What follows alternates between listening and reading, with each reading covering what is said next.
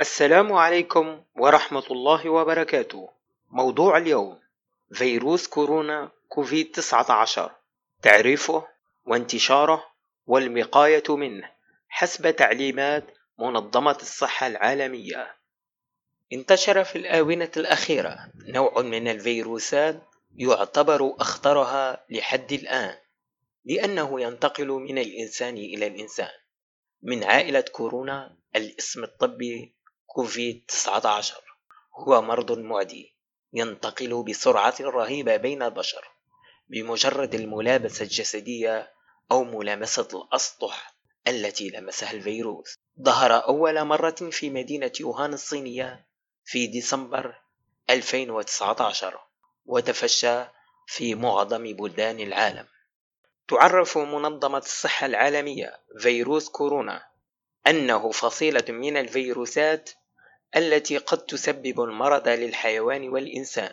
ومن المعروف أن عددا من فيروسات كورونا تسبب لدى البشر حالات عدوى الجهاز التنفسي التي تتراوح حدتها من نزلات البرد الشائعة إلى الأمراض الأشد وخامة مثل متلازمة الشرق الأوسط التنفسية والمتلازمة التنفسية الحادة الوخيمة السارس ويسبب فيروس كورونا المكتشف مؤخرا مرض فيروس كورونا كوفيد 19 كيف ينتشر فيروس كورونا كوفيد 19 أولا عن طريق الأشخاص المصابين بالفيروس. ثانيا يمكن أن ينتقل بين الأشخاص عبر قطرات السعال أو الرشح عند ملامستها أو تنفسها. ثالثا تساقط الفيروس على الأسطح ثم لمس العين أو الأنف أو الفم.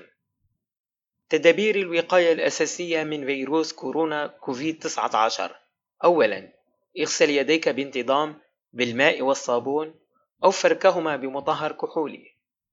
ثانيا احرص على ممارسات النظافة التنفسية عند العطس أو السعال استعمل منديل ورقي أو تني المرفق. ثالثا تجنب الاقتراب كثيرا من الناس. المسافة الآمنة على الأقل واحد متر. رابعا تجنب لمس عينيك وأنفك وفمك لأنهم يعتبران منافذ للفيروس. شكرا لكم على حسن المشاهدة والإصغاء نلتقي معكم في موضوع آخر بحول الله.